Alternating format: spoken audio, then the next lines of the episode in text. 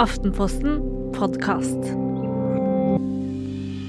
Klarer dere å unne den andre litt fri iblant? Ja, absolutt. Eh, eller Kristin jobber jo ikke, eh, så hun har jo egentlig fri hele tiden.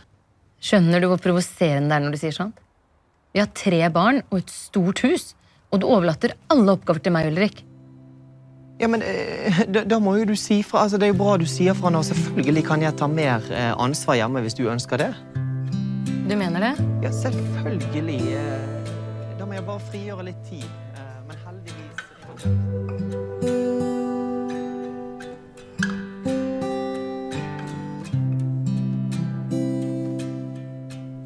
Det vanskeligste vi gjør, er kanskje å leve sammen.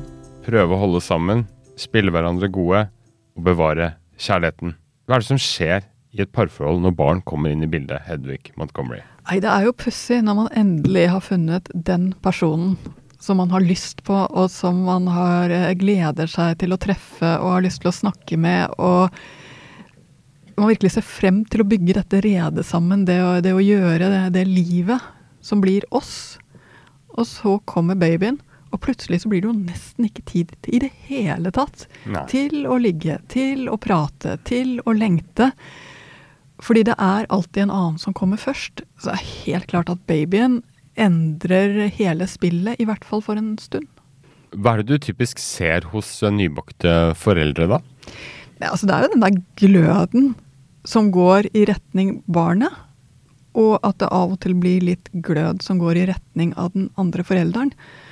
Eh, og det betyr at du blir usikker. Er jeg fin nok? Vil han fortsatt ha meg? Eh, du blir usikker. Er jeg fortsatt viktig for henne? Eh, er jeg den hun vil ha? Man får den der hva er det egentlig som skjer, usikkerheten, fordi allting endrer seg så brått. Går det an å si at barn er en slags stresstest på et forhold?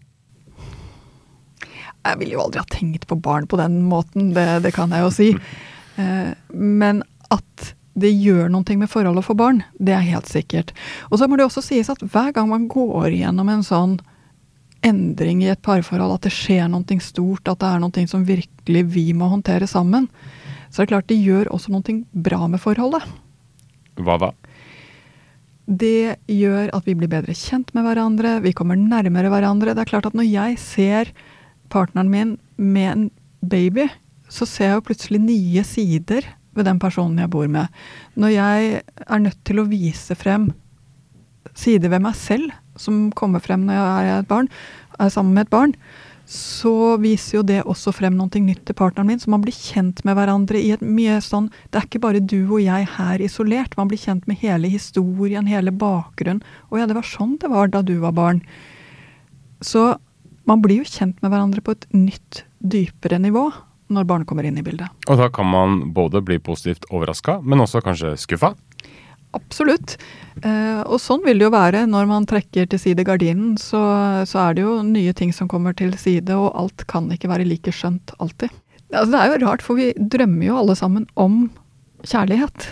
Eh, og kjærlighet, altså hvordan forhold ser ut. Det er liksom lett å tenke at det alltid er eh, mamma, pappa eller mann og kvinne. Men det finnes mange måter å leve i forhold på.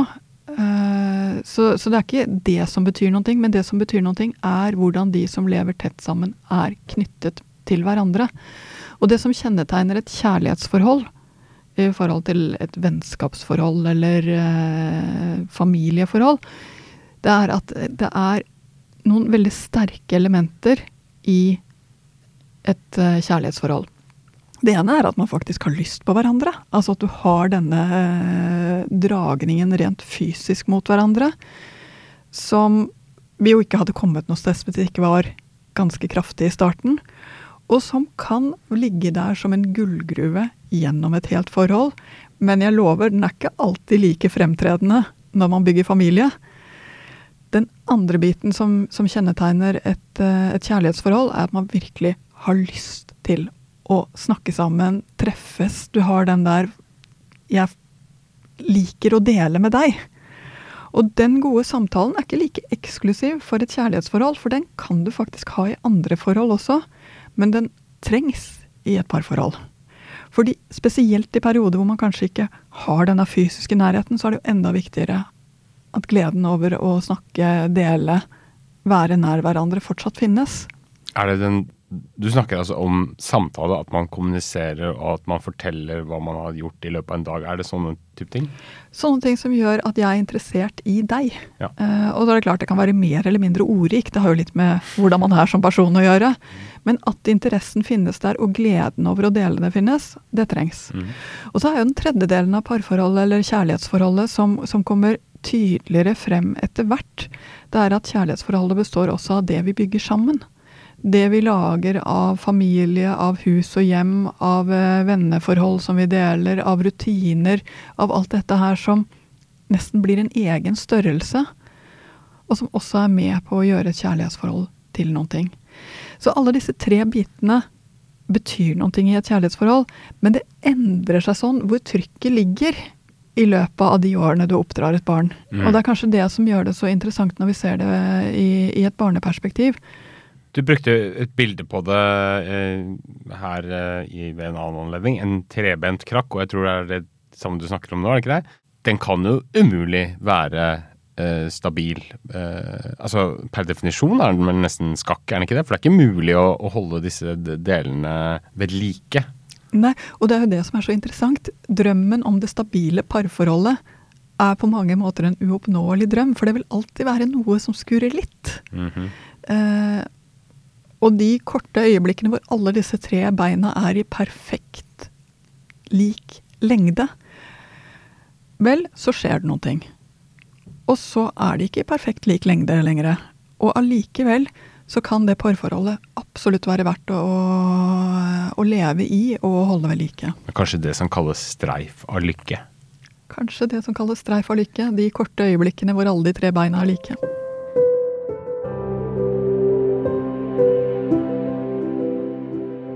Ok, vi, vi får gå gjennom dette her sånn som vi kanskje ofte gjør litt, da. Eh, litt sånn kro kronologisk, fra barna er små til de vokser opp. Og eh, vi var inne på det litt i starten, hva er det som skjer når et, et barn blir født. Men hva er liksom de første åra der? Hva er det parforholdet får brynt seg på da?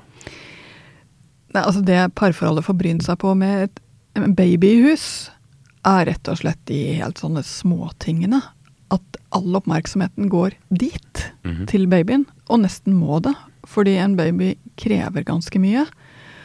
Og så er det å finne en balanse med at vi nå er én til. Og om det er førstebabyen eller om det er baby nummer tre, hvert nytt barn som kommer inn, gjør noe med balansen i en familie. Og gjør også noe med tiden som de voksne har til hverandre, i hvert fall for en periode. Og så tror jeg vel også at det helt sånn øyeblikkelig, altså det å føde et barn er ganske hardt fysisk arbeid, og det gjør noe med kroppen. Eh, det å få ligge sammen, ha lyst på hverandre, ha både tid til det, men også at det er godt. Det er litt sånn øve seg opp til ting og tidkrevende ting. Selv om man har hørt om det, så er det litt et sjokk at det faktisk er sånn. Mm, mm, det beinet blir ofte litt kort, da, i, i starten. Det må man kunne si. Du beskriver i en av bøkene dine eh, en mann som går fra å være en selvstendig Føle seg som en selvstendig mann til en tiltaksløs dott, eller det vil si det er vel kanskje eh, partneren som ser han slik. Er det et sånn typisk mønster at eh, menn blir underlegne på en eller annen måte i starten der? Og menn er så forskjellige. Ja. Men at det er vanskelig å plutselig stå ved siden av og se mamma-barn. Og så lurer på hva nå? Hva skal jeg gjøre? Hva er nyttig? Og så prøver du. Og de første dagene så vil jo nesten alt du gjør bli litt grann feil. Veldig keitete. Ja, som også har noen ting, det må jeg bare si, det har noen ting med hormoner å gjøre. Fordi etter fødselen så går østrogenproduksjonen, den blir faktisk helt borte. Og det å stå der uten østrogen som kvinne gjør deg misfornøyd og sliten. Eh, og du gråter lett og syns lett at alle andre gjør noe feil. Så den mannen som eh, blir sett på som at han gjør allting riktig i starten, har nok fått barn med en robot, tenker jeg. Mm. For det er såpass hardt de første dagene å, å få på plass bare den der følelsen av at vet du hva, dette får vi til sammen.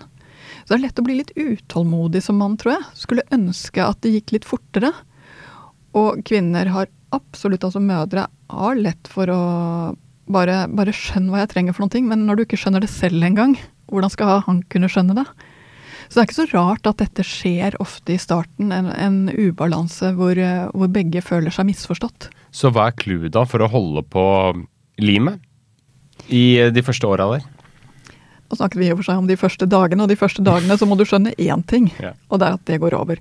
De første årene, og jeg snakker egentlig om de første to, To. ja, så må jeg bare si at hurtigtipset er egentlig helt banalt. Hva da? Barnevakt bare bitte lite grann. Ja. Ja, for det er rart med det. Bare det å kunne gå en, gå en tur uten noen ting å trille på og se ned på. Bare det å kunne sette seg ned uten å ha et halvt øre som går et annet sted. Det betyr ganske mye. Så hvis det er noen som bare tar med barnet ut og triller mens dere sitter alene ved kjøkkenbordet, og så skjer det som skjer, så betyr det noen ting for dere. Ja, og det er kanskje litt sånn forebyggende for senere i livet òg, fordi hvis man da ikke gjør det, og ikke gjør det ved neste anledning heller, og at det går lenger og lenger tid, så blir det til slutt at når det først skjer, så blir man helt handlingslamma. Man vet ikke hva man skal gjøre eller si. Jeg tror mange kjenner igjen den der at når barna plutselig kommer opp til et punkt hvor de stikker ut til venner, eh, og så hadde dere planlagt at dere skulle spise middag med barna, men plutselig så er det deg og kjæresten. Føler nesten litt sveket. Ja, Ikke sant? Hvorfor dro de? Hva skal vi snakke om nå? Hva skjer? Eh, og man sitter der og lurer på hva skal vi snakke om nå. Eh, men det er et fint punkt, for det er en påminnelse om én ting. Må heve blikket, må se den andre. Hva er det som skjer i Hans Helenes liv? Ok, du har gjennomgått i ekspressfart, eller vi da, eh, de første to årene, men hva er det som skjer i neste fase når barna blir litt eldre her? Ja, Det store skiftet er jo egentlig når, når barnehagetiden begynner. Eh, og når barnehagen begynner, enten det er at de er litt før året eller eh, over to. Det gjør noe med hele familiedynamikken. Fordi barnehagebarn er så intenst til stede når de er til stede. Og det er så korte strekk hvor du skal rekke så mye. Sånn at tiden mellom klokken halv fem og klokken syv i en småbarnsfamilie er helt elektrisk av alt som skal skje. Helgene Man er jo utslitt etter en lørdag og en søndag. Og feriene Jeg tror det er ganske mange som har kjent på at vet du hva, det er fint at barnehagen starter igjen nå. Rettelse, man er utslitt innen klokka 11 en lørdag eller søndag. På dagen. Så det er. Det er, altså, det er en intensitet i barnehagefasen som er vanskelig for dem som ikke har barn i barnehagealderen å helt sette seg inn i, for man glemmer det faktisk, som er rart. Eh, og det gjør også at den der nysgjerrigheten på et annet voksent menneske lett dabber lite grann. Eh, alt det du føler, tenker, gjør, går mot å, å fylle denne intense trykkokertidsperioden. Og når barna så er lagt, og det egentlig er litt tid igjen av dagen, så er det som alt du har lyst til. Det er å sitte som en zombie og ha en skjerm foran deg eller noe annet foran deg som du kan ha en slags oppmerksomhet på uten at du trenger å tenke i det hele tatt. Det er ikke noe tid igjen av dagen. Hva snakker du om? Det er, da skal man vaske opp eh, ting og rydde opp ting og sånn. Ikke sant? Det er så intenst. Og de få øyeblikkene du får hvor du kunne ha løftet blikket det, minste, det, altså det du har minst lyst til av alt, er jo nettopp det. Men bør man fylle de lommene med noe annet enn den der scrollinga da, som du snakker om, eller? Når jeg ser på tiden nå, så tror jeg den der muligheten vi har fått til å fylle inn ethvert tomrom med noen informasjon, noen ting å se på, er kanskje det som er skumlest for oss selv, hjernen vår og hvordan vi fungerer. Jeg tror at hvis du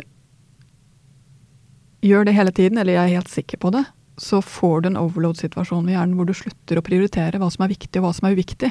Fordi du alltid ikke bare kan fylle på Mhm. istedenfor å gjøre valg. Så dette er kanskje den skumleste utfordringen vi har.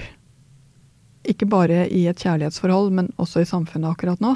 Fordi vi alltid kan fylle på med et eller annet. Et eller annet stimuli, et eller annet som vi kan se på, et eller annet som, eh, som vi kan tenke litt på, i hvert fall. Så slutter vi å stoppe opp og tenke hva er viktigst nå? Hva vil jeg? Hvordan er det? Vi slutter med de tingene som den refleksjonen som gjør at du kan lage deg et godt liv. Så hva syns du eh, småbarnsforeldre skal fylle de lommene med isteden, da? Minst mulig. Ja, men i, for, i forhold til å pleie relasjon? Altså I første rekke så tror jeg at det å ikke gripe til uh, den der lette inputen som gjør at du slipper å tenke Stillhet er faktisk bedre. Mm. Eh, det å se opp og si 'Å, nå har visst allting gjort. Hei, forresten'. Supert. Klarer du det? Og fyrer av et lite smil, så kanskje du får ett tilbake igjen. Da har du styrket parforholdet. Mm. Så det er veldig sånne småting som skal til, som gjør at de to voksne ikke føler seg så ensomme, er egentlig det jeg ser etter. En felle kanskje i denne perioden er at man eh, i strekket som man er i, negger fælt. Jeg vet, for det er så mange ting å negge på. Det er liksom Å, tok det på ullundertøy? Det var jo ikke nødvendig i dag. Uh, og den kommentaren var jo egentlig ikke nødvendig å si heller. Uh, men nettopp fordi vi er så nede i den der helt detaljene, og blir så slitne av det på barna våre, så begynner vi kanskje å se og snakke om feil ting med hverandre. Det blir liksom det. Men må du alltid sette fatene sånn inn i oppvaskmaskinen? Blir plutselig en svær greie. Som egentlig ikke er det. Igjen, de, de små tingene blir kanskje litt for store. Så ja, jeg tror det er lett å negge litt. Ja, men hvorfor blir det sånn, da? Hva det kommer av? Eh, jeg tror at det, der er vi inne på noe annet om hva kjærlighet handler om. Nemlig at kjærlighet handler om å forstå den andre. Og det er faktisk en litt tidkrevende øvelse. Det krever litt nysgjerrighet, det krever litt humor, det krever litt eh, årvåkenhet. Hvor er du akkurat nå? Det som gjør denne hverdagsnaggingen skummel, det er at det er det motsatte av den interessen for deg som ligger i den. Så nagging er nok med på å drepe ganske mye kjærlighet. Det tror jeg nok. Og problemet der er også at kjærlighet handler om å ikke gi det jeg selv trenger, men gi det du trenger. Det handler om å ikke gi det som jeg har, men å gi det du trenger. Det er en, det er en mye mer finstemt ting, det å, å elske noen. Jeg tror av og til vi glemmer hva kjærlighet er, når vi står midt i denne trykkokerperioden. Og hva er det? Kjærlighet er å se den andre og å tenke hvordan er det å være deg akkurat nå? Men kan du gi meg et eksempel på hva du mener, et sånn konkret eksempel på hva du mener med å forstå, eller vise forståelse, da? Det er så banalt som at en av de tingene som skjer når du er i trykkokersituasjonen, er at det er fort gjort å ikke være så veldig opptatt av hvordan du har hatt det i dag. Fordi hei, jeg har mer enn nok med hvordan jeg har hatt det, og med å håndtere ungene. Mens kjærligheten trenger at du ser opp, ser på den andre og sier hei, hvordan har det vært i dag? Sliten, eller? Og den andre sier ja, og du sier skjønner. Da har du pleiet kjærligheten. Og når man ikke føler seg forstått, da kommer jo den liksom selvmedlidenheten. Det er ingen som bryr seg om meg. Og det er en litt sånn rar og barnslig følelse, men den kommer også fort, gjør den ikke det? Jo, og jeg tenker av og til at selvmedlidenhet har fått et, et dårlig rykte, ufortjent dårlig rykte. Jaha. For jeg tenker at selvmedlidenhet er noen ting som kommer når du føler deg ensom. Så det er en ganske tydelig markør på at hei, nå føler jeg at jeg står helt alene borti dette hjørnet. Kan noen være så snill å komme bort hit og se verden litt sammen med meg?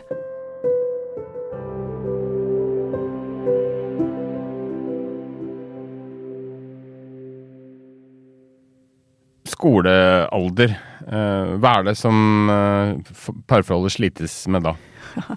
Ja, skolealder er virkelig Barneskoleårene er en logistikktid. Fordi det er så mye å holde orden på.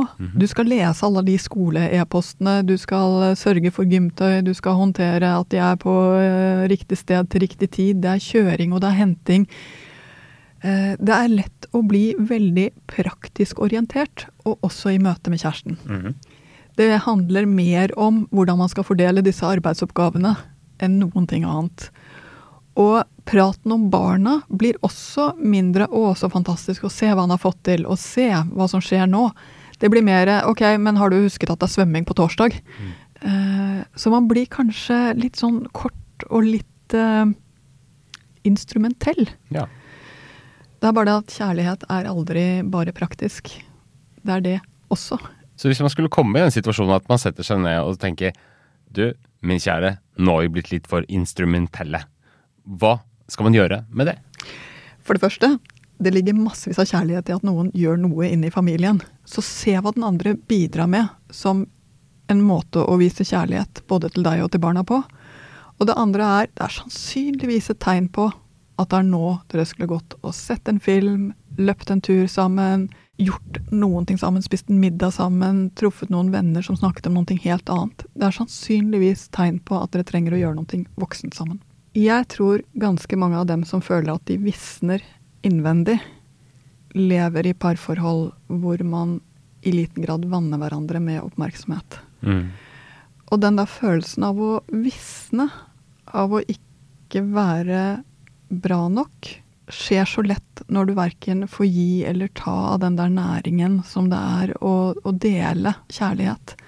For det er liksom så lett å si hvor mye hvor mye oppmerksomhet har jeg krav på? Hvor mye trenger jeg? Hvor mye må jeg gi? Hvor mye sex skal vi ha? Hvor mye sex eh, trenger jeg? Altså det, det, blir et språk rundt det som er veldig økonomisk. Mens jeg tenker jo at kjærlighet og uh, sex ikke er noen ting du verken har krav på eller som er særlig økonomisk. Det er noen ting man deler. Og dermed så er det noen ting som uh, Når det blir i den der uh, inne i, i det økonomiske språket, så er det lett også å føle seg verdiløs. Og det er skummelt. Det er jo ikke så tilfeldig at det er lett å tenke at noen annen er bedre for meg. Mm. For den ensomheten gjør jo at du vil begynne å se etter noen som er noen å dele med. Når eh, barna blir tenåringer, store, uh, utvikler seg, vil løsrive seg kanskje, opponerer, hva er det som typisk skjer med mor og far og deres forhold da? Altså Det å ha tenåringer i hus er ikke nødvendigvis noe bra for parforholdet. Det tror jeg det er mange som kjenner på. Man har mm. liksom tenkt at da skulle vi få tid til hverandre. Men så kommer det helt nye ting i spill.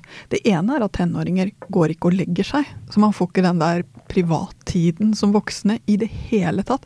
Man skulle tro det ble lettere f.eks. å ha tid til sex når man fikk tenåringsbarn. Det gjør de ikke. Eh, mange opplever at det nesten blir enda vanskeligere. Men det andre som skjer, som nesten er vel så interessant, det er at i det øyeblikk tenåringen begynner å utfordre kanskje spesielt den ene forelderen, for ofte er det én av gangen, så gjør det noe både med hvordan du ser på deg selv som person, når du får denne ganske heftige motbøren. Det andre er at det gjør noe med hvordan dere begynner å se på hverandre som foreldre. Du er alltid så negativ. Eh, blir plutselig noen ting dere begynner å bruke mot hverandre fordi det kommer fra en som sier det er for pappa alltid så negativ. Og plutselig så gjør det noe med den der 'hvem er vi'-dynamikken. Hvem er du egentlig? Man blir kjent med hverandre på et nytt nivå gjennom tenåring, tenåringen sin. Eh, og jeg tror også at når du sitter der med tenåringsbarn, så begynner du også Det kan være trist, eller det kan være en glede, men å se litt grann vi, en dag skal du og jeg sitte her alene ved dette kjøkkenbordet. Hvordan blir det egentlig? Mm. Og det betyr at den kapitalen som dere har bygget dere opp på å fortsatt kjenne den andre, hvis den ikke er der, så kjennes det veldig, veldig tomt ut når du får den tanken. Hva bør man være oppmerksom på å gjøre i denne perioden? Nei, tenåringsforeldre, de bør le sammen. Det er det viktigste. Det er faktisk det viktigste. Ja. Det å le sammen er en, en ventil for, uh, for, den situasjonen det er å, å stå med, med, en som sitter og er sur på rommet sitt. Så ikke le av tenåringen, men finn noe annet å le av. Uh, og jeg tror også for tenåringsforeldre så er det et vesentlig uh, Så er det viktig å huske at det kommer til å gå over. Mm du har ikke tenåringer for alltid. Og den der kanskje fortvilelsen du kjenner, kommer dette til å gå bra? Hva kommer egentlig til å skje? Det kommer til å gå bra. Men det er vel kanskje også i denne perioden hvor mange går fra hverandre? vanligste skilsmissetidspunktet så er yngste barnet fortsatt under fire. Så tyngdepunktene av skilsmisse kommer ganske tidlig. Eh, I hvert fall i barnehage og småskolealder. Og så må jeg bare si mange skilsmisser har faktisk noen ting for seg. Eh, kanskje var det ikke dere det skulle være. Kanskje har denne perioden med å bli kjent med hverandre på en ny måte vist at det er ikke den du vil dele livet ditt med allikevel. Det kan være både gode og dårlige grunner til skilsmisser. Mm. Uh, og jeg tror ikke at ethvert forhold skal reddes for enhver pris. Men hvis du har en sånn noenlunde ok partner, hvis du har en partner som du tenker ja, vet du hva jeg både På en god dag, hvis jeg hadde orket, så hadde jeg ligget med deg. Uh, og ja, det å sette seg ned og når vi har tid, le sammen, er noe av det fineste jeg vet er med deg. Hvis du har en kjæreste som bare toucher innom de følelsene, så vil jeg si hold på ham eller henne med begge hender. For da er det ikke lett å finne noe bedre. Og skal du holde på en kjæreste, så handler det så mye om å tenke ja, du betyr noen ting for meg, og det skal jeg vise deg. Er det en utopi å tro at man skal fortsette å leve det samme parforholdet før og etter at man får barn? Det er jo komisk, for i hvert fall eh, da jeg fikk mitt første barn, så tenkte jeg at jeg ikke skulle være en sånn som ble så påvirket av å få barn. Jeg skulle fortsette å gå på konserter, jeg skulle fortsette å øh, gjøre både det ene og det andre. Det jo, du blir jo ganske hardt realitetsorientert. At øh, jo da, det er ikke sånn det fungerer. Det å få barn endrer noen ting i livet ditt, og det endrer også noen ting i deg. Så nei, du kommer ikke til å være par på samme måte jeg tror ikke det er teknisk mulig, men jeg tror heller ikke det er ønskelig. For noen ting av det som gjør de lange kjærlighetsforholdene så fine, er jo å vokse sammen.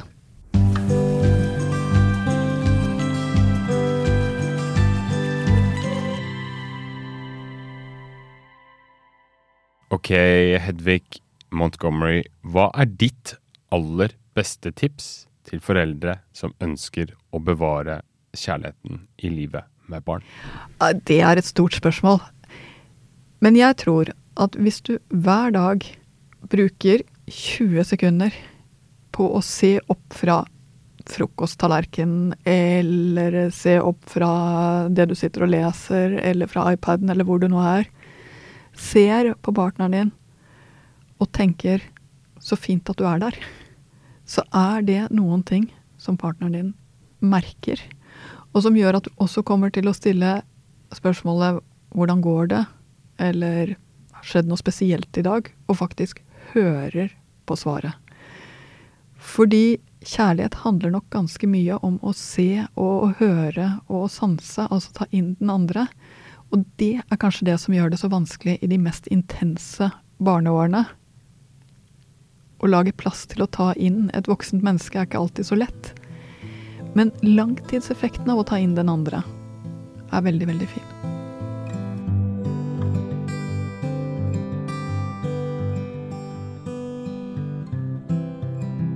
Du har i denne episoden hørt lyd fra TV-serien Parterapi. Takk til NRK for tillatelse til å gjengi et klipp derfra. Og så vil jeg gjerne si at dette var nest siste episoden i denne sesongen av Foreldrekoden. Til neste og siste episode kan det tenkes at vi trenger litt hjelp fra dere lyttere, så følg med i Facebook-gruppa Foreldrekoden, eller også vår konto på Instagram. Håper du har hatt en fin stund med oss denne uka. Så høres vi igjen om en uke til den siste episoden i sesongen, altså. Ha det!